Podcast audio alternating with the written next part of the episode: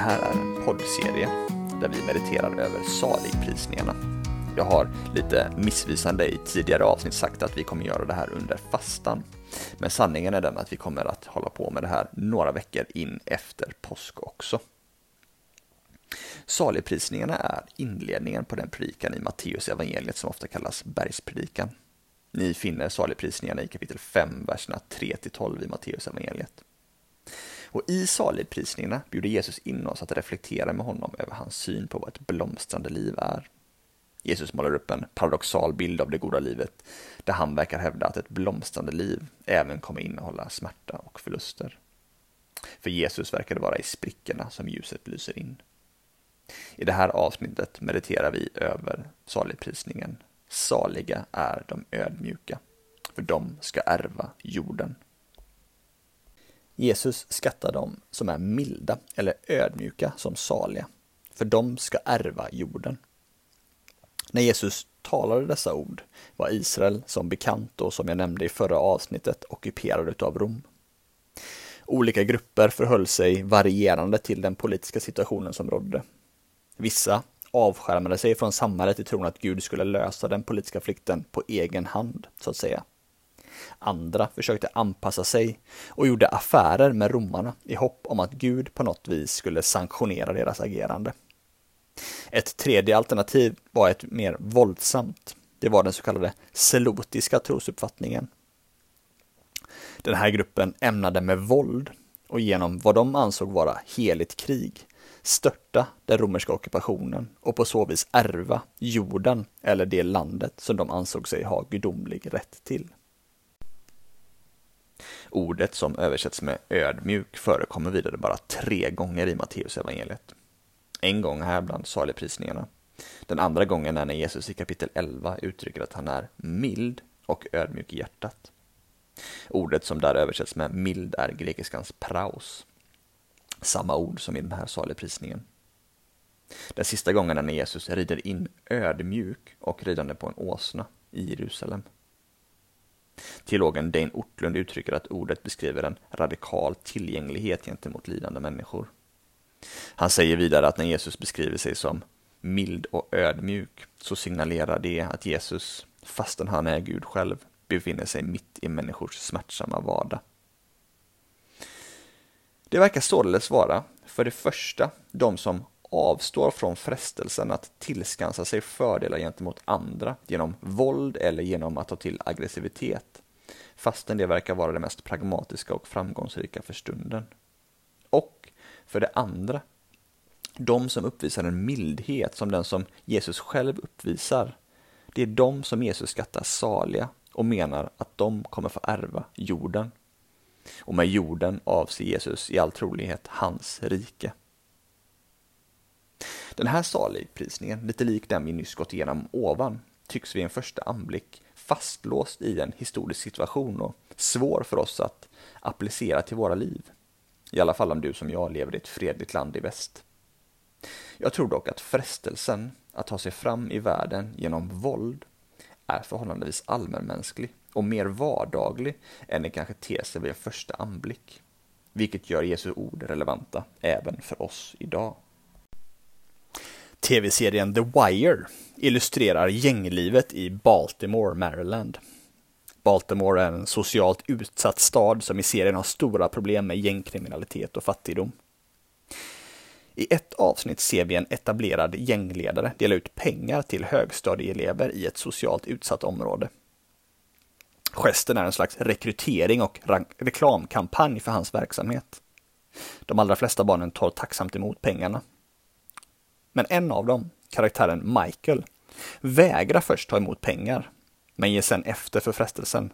Både att ta emot pengar och sen att sälja droger åt langaren som gett honom dem. När vi som tittare får följa med under säsongen bevittnar vi att Michael snabbt klättrar i social status och är förmögen att köpa saker han aldrig skulle haft råd med annars. Han kan även ta hand om sina småsyskon som knappt har mat för dagen. För en stund får Michael en plats i världen. Han får ärva jorden, så att säga.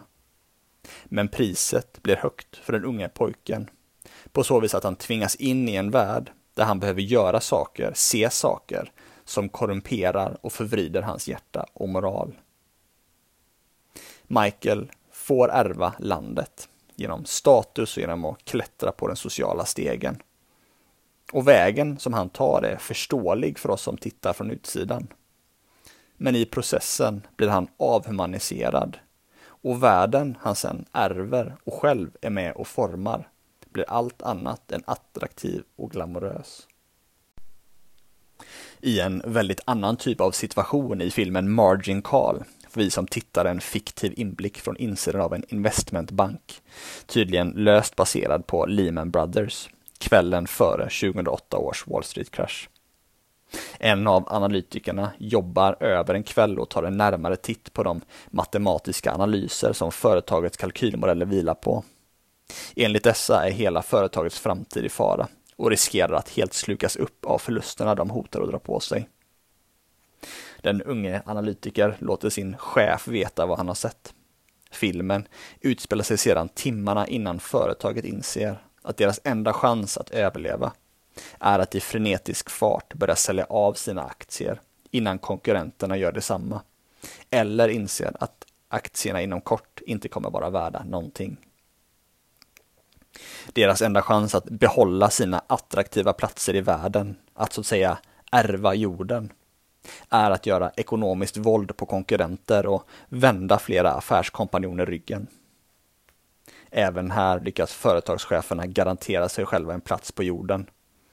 Men vilka har det blivit när de är tvungna att etablera den genom finansiellt våld mot kollegor och konkurrenter?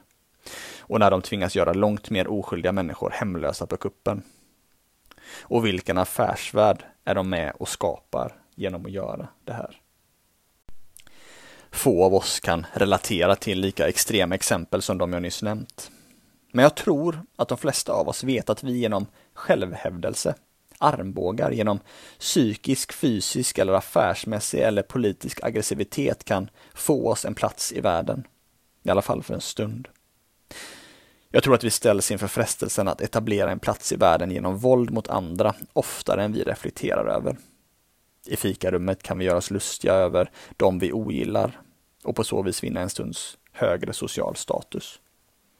Inom bankvärlden kan vi, och det har blivit uppenbart inte minst de gångna åren genom bankskandaler om pengatvätt, välja att se åt andra hållet när olagliga pengar transporteras genom våra verksamheter och vi gör enorma vinster. När grupper vi ogillar får demonstrera på våra gator då är det lättare för oss att med våld se till att de berövas den rätten, än att långsiktigt se till att ingen vill demonstrera för de destruktiva ideologier som vi tar avstånd ifrån. När politiska motståndare debatterar är det lättare att försöka omintetgöra dem via slagkraftiga one-liners än genom att söka förbättring genom ömsesidig förståelse. Det är alltid lättare att karikera meningsmotståndare och göra dem till tvådimensionella idioter än att försöka förstå deras perspektiv.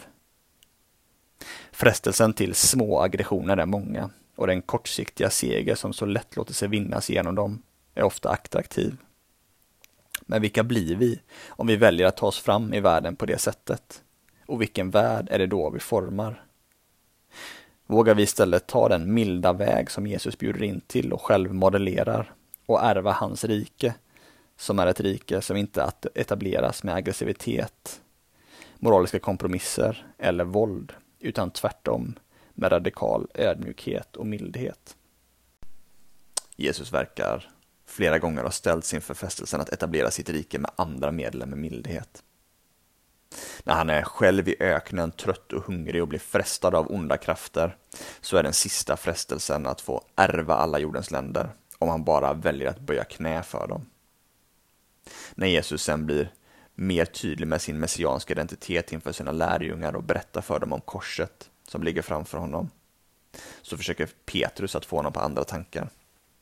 Jesus tillrättavisar då Petrus på ett bryskt sätt.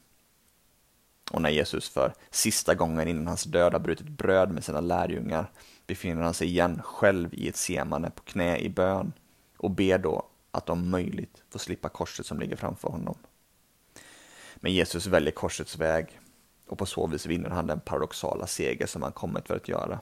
Inte genom militär aggressivitet, utan genom ultimat självoffer och mildhet. Aposteln Paulus uttrycker det så här. Han var till i Guds gestalt, men räknade inte jämlikheten med Gud som ett segerbyte, utan utgav sig själv och tog en tjänares gestalt och blev människan lik. När han till det yttre hade blivit som en människa ödmjukade han sig och blev lydig ända till döden, döden på ett kors. Jesus triumferar inte med pompa och ståt och aggressivitet, utan ödmjukt ridande på en åsna och utlämnad hängande på ett kors. Det är i enlighet med den mildhet som han uppvisar, som han bjuder in oss i Matteus kapitel 11 genom att säga Kom till mig alla ni som är tyngda av bördor, jag ska ge er vila. Ta mitt ok på er och lär av mig, för jag är mild och ödmjuk i hjärtat. Jesus välkomnar oss, oavsett vilka bördor vi har och oavsett vilken aggressivitet som finns i våra hjärtan, att komma till honom och lära oss av honom.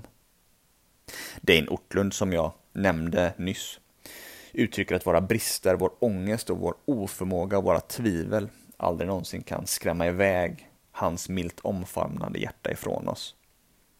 Och omfamnade av hans mildhet uppmuntrar han oss att vara likadana mot andra. I enlighet med den paradoxala seger som Jesus vann över ondskans märkliga krafter när han själv lät sig utsättas för dem, så bjuder Jesus in oss till ett rike som både är etablerat på och format av hans självutgivande kärlek. På så vis kan vi säga att både grunden för det riket som Jesus kommer med i form av hans självuppoffring på Golgata och själva Gudsriket han bjuder in oss till är korsformade. Så här uttrycker den nytestamentliga teologen N.T. Wright det. Det är den korsfäste Messias vi talar om. Hans död var inte bara den röriga aspekt som möjliggör våra synder att bli förlåtna och sen bortglömda. Nej, korset är det klaraste, mest sanna och djupaste fönster in i själva hjärtat och karaktären av den levande och älskande guden.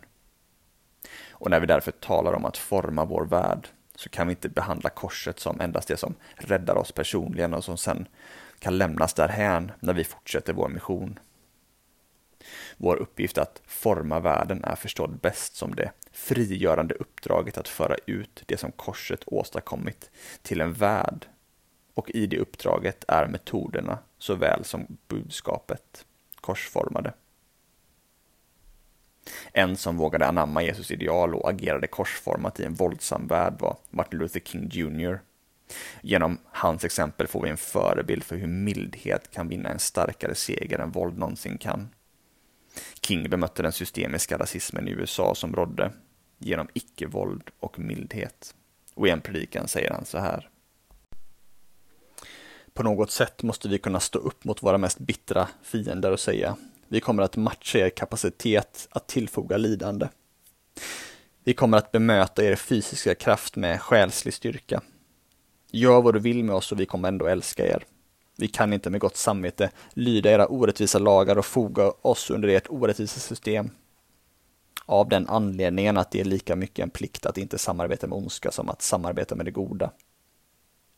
Så kasta oss i fängelset och vi kommer ändå älska er. Bomba våra hem och hota våra barn, så kommer vi, fastän det är svårt, ändå älska. Sänd era maskerade våldsförövare in i våra samhällen vid midnatt och släpa ut oss till någon avkrok där vi lämnas halvdöda, så kommer vi ännu älska. Men var förvissade om att vi kommer trötta ut er med vår förmåga att lida. Och en dag kommer vi att vinna frihet.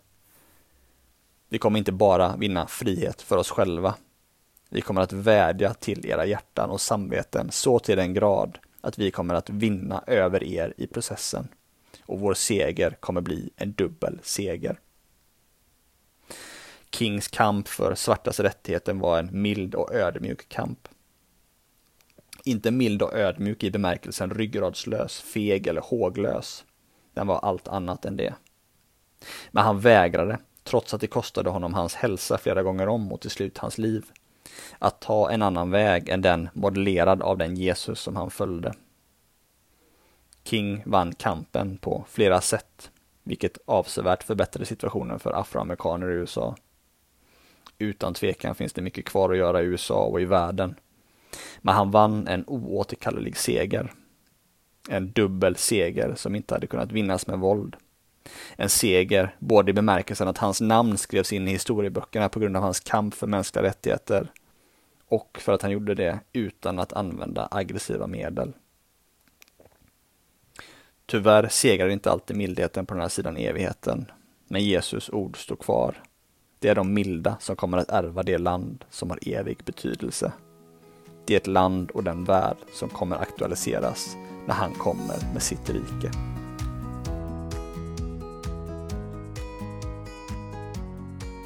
Den här podden produceras av Saronkyrkan i Göteborg.